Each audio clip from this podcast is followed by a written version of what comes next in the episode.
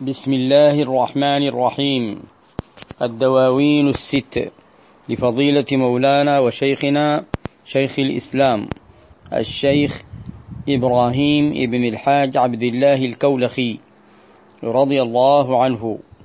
تقديم أبو عركي الشيخ عبد القادر النذير. التسجيل الرابع. صفحة 12 من النسخة التي نقرأ منها. قال رضي الله عنه أشار إلى مزن فسال مسرمدا وإذ رام مسك الماء أمسك ملهما وإن قريشا عيبوه وصغروا وشق له ذا الجو بدرا معظما وردت له شمس بعيد غروبها.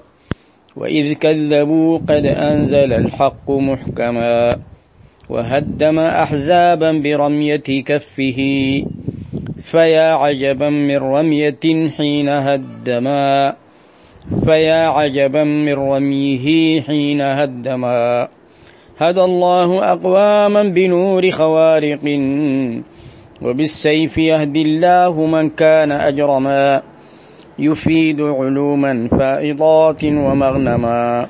يبيد جيوشا للضلال عرمرما. فعم هداه الأرض كرها وطاعة. فغرب وعجم أرشد الكل عمما. فغرب وعجم أرشد الكل عمما. وحتى أتانا الدين والعلم والتقى. ولله شكر بالنبي محتما.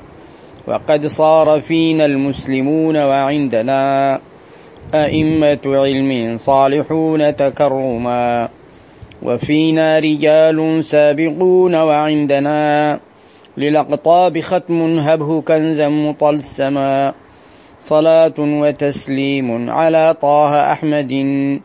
وآل وأصحاب صراطا مقوما. صلى الله عليه وسلم وعلى آله وصحبه حق قدره ومقداره العظيم. أقول مستعينا بالله سبحانه وتعالى ومستمدا من أبوابه. قال الشيخ رضي الله عنه أشار إلى مزن فسال مسرمدا. بدأ الشيخ رضي الله تعالى عنه في بقية هذه القصيدة يذكر شيئا من سيرته صلى الله عليه وعلى آله وصحبه وسلم وشيئا من معجزاته الكثيرة صلى الله عليه وعلى آله وصحبه وسلم التي ألفت فيها الكتب. قال الشيخ رضي الله عنه ولا تتناهى لو ملأت المجلدا ولكنه ذكر شيئا منها هنا فقال أشار صلى الله عليه وسلم إلى مزن مزن المزن السحاب. وفي الطباعة هنا كأن على الميم فتحة ولكن ضمة تصحح. أشار إلى السحاب فسال فنزل مطرا مسرمدا أي مستمرا. وقد ورد ذلك في الصحيح أنه صلى الله عليه وعلى آله وصحبه وسلم طلب منه قام أحد أصحابه وطلب منه أن يستسقي آه، إذ أصابهم الجفاف واحتاجت الناس واحتاجت الأنعام. فاستسقى صلى الله عليه وعلى آله وصحبه وسلم وطلب المطر وأشار إلى السحاب فأنزلت. جاءت السحاب في نفس الوقت ونزل المطر في نفس الوقت واستمر دورا كاملا إلى أن طلبوا منه مرة أخرى أن يوقف آه، هذا المطر. فسأل الله عز وجل وأشار إلى السحاب فتفرق قال له حوالينا ولا علينا. ولذلك قال هنا أشار إلى مزن فسال مسرمدا مستمرا. وإذ رام وحين رام حين طلب مسك الماء أمسك ملهما. صلى الله عليه وعلى آله وصحبه وسلم. وإن قريشا عيبوه وصغروا وشق له ذي الجو بدرا معظما. معلوم سيرة قريش في أول أمرها مع النبي صلى الله عليه وعلى آله وصحبه وسلم.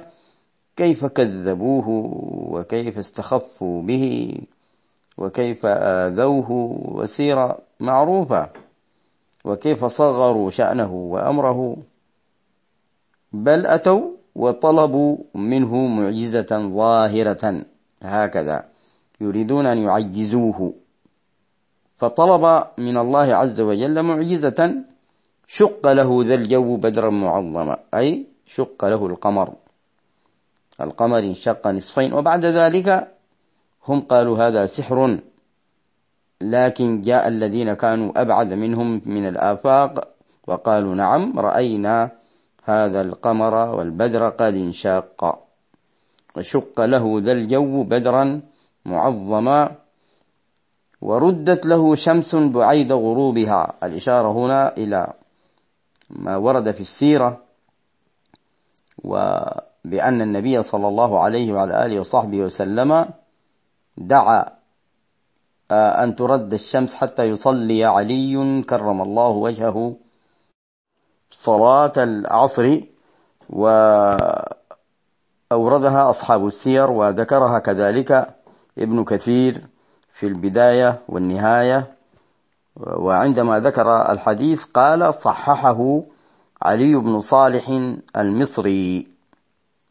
ولكن بعد ذلك ذكر له علة وتضعيفا وكذلك ضعفه جماعة باعتبار أن النبي صلى الله عليه وعلى آله وصحبه وسلم قال لم ترد الشمس ما معناه إلا لنبي من الأنبياء وهو يوشع. فالحديث رواه مسلم. قالوا في هذا تخصيص بأنه لم آه، تحدث هذه المعجزة إلا له. ولكن لا ليس في ذلك آه، تخصيص لأنه قال لم ترد قبلي يعني الشمس إلا لفلان ولكن كونها ترد له جائز ذلك وهي في قدرة الله جائزة وهي معجزة على كل حال ذكرها أصحاب السير وذكرها ابن كثير هنا في البداية والنهاية وكثيرون ذكروها ولكن كثير من العلماء أيضا ضعفوا الرواية. وردت له شمس بعيد غروبها وإذ كذبوا قد أنزل الحق محكما وحين كذبوا أنزل الحق قرآنا محكما اقتربت الساعة وانشق القمر. ثم قال رضي الله عنه وهدم أحزابا برمية كفه.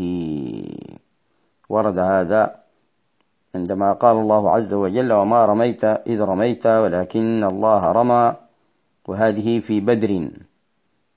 وكذلك في حنين كما ورد في صحيح مسلم أخذ حصا ورماه كذلك في أوجه أو في وجوه القوم.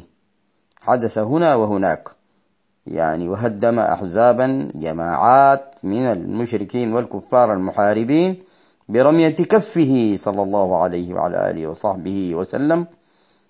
فيا عجبا من رمية حين هدم أو فيا عجبا من رميه حين هدم روايتان في نسخ الديوان.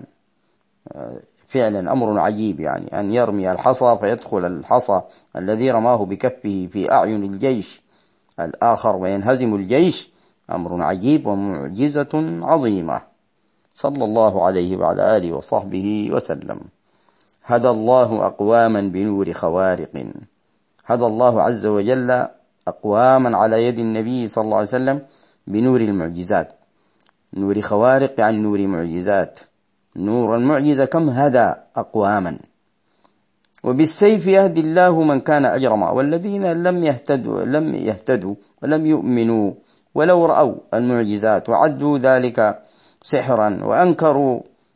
وبعد ذلك اعتدوا على النبي صلى الله عليه وسلم وعلى المسلمين ومنعوا نشر الدين كان السيف هاديا لهم وبالسيف يهدي الله من كان أجرم أي من كان قد اعتدى. في هذا إشارة إلى أن النبي صلى الله عليه وعلى آله وصحبه وسلم لا يعتدي هو.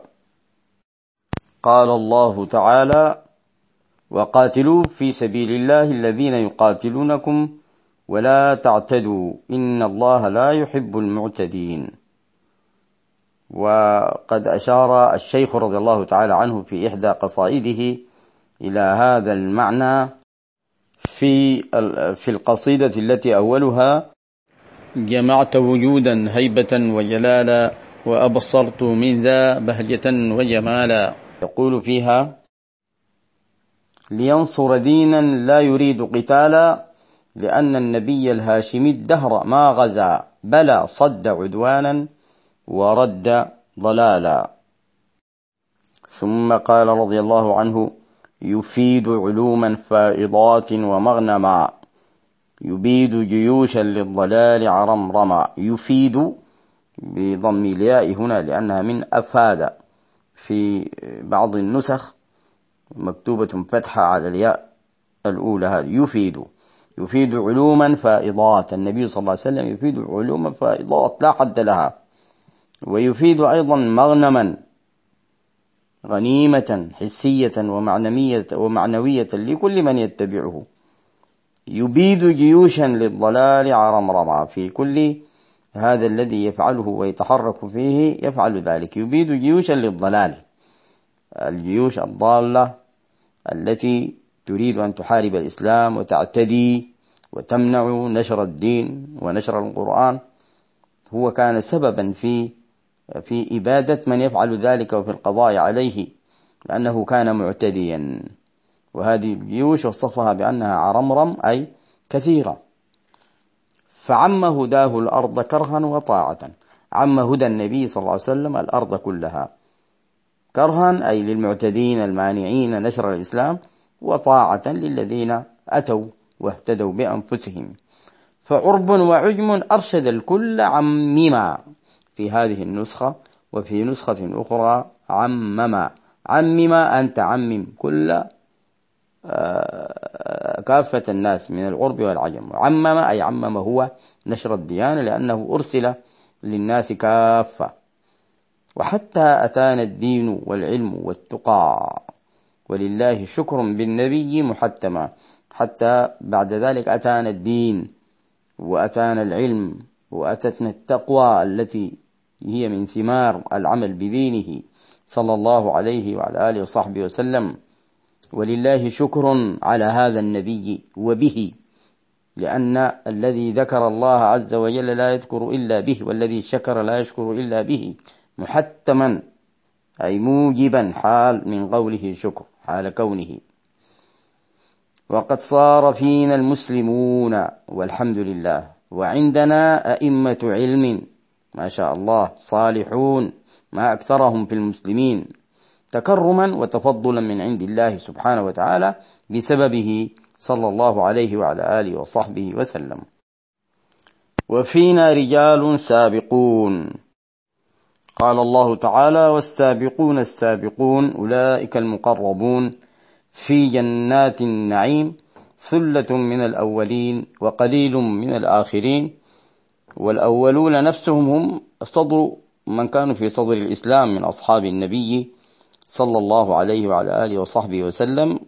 قال في هامش الديوان اختلف العلماء في من هم السابقون أي آه، الأولون. فقيل من ذكرهم الله تعالى في كتابه من المهاجرين والأنصار وقيل من صلى القبلتين ولكن وقليل من الآخرين هذه في الأمة هذه أمة المحمدية ولله الحمد.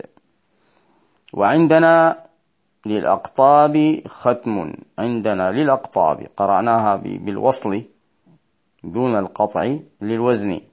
وعندنا للأقطاب ختم ختم وهو مصطلح معلوم عند الصوفية ختم الأولياء أو خاتم الأولياء واشتهر أنه هو أي الذي نال هذه المرتبة وحازها هو سيدنا ومولانا الشيخ أحمد بن محمد التجاني رضي الله تعالى عنه. وإن كان غيره قد ادعى ذلك وأسند إليه لكن لا ينفي ذلك أن يكون هناك ختم وختم وختم. أما الخاتم المحمدي فهو الأعلى أعلاهم. أعلى الأقطاب لأنه واسطة إمدادهم. وعندنا للأقطاب ختم. هبه كنزا مطلسما هذا الختم هو كنز مطلسم مكتوم لأنه هو يعني يقال له القطب المكتوم والخاتم المحمدي المعلوم رضي الله تعالى عنه. صلاة وتسليم على طه أحمد وآل وأصحاب صراطا مغوما أي صراطا مستقيما أي اهدنا صراطا مستقيما أو هذه الصلاة التي ذكرها حال كونها صراطا مستقيما. أو آله وصحبه الذين ذكر ذكرهم هم أهل الصراط المستقيم. رضي الله عنهم. ونواصل إن شاء الله تعالى.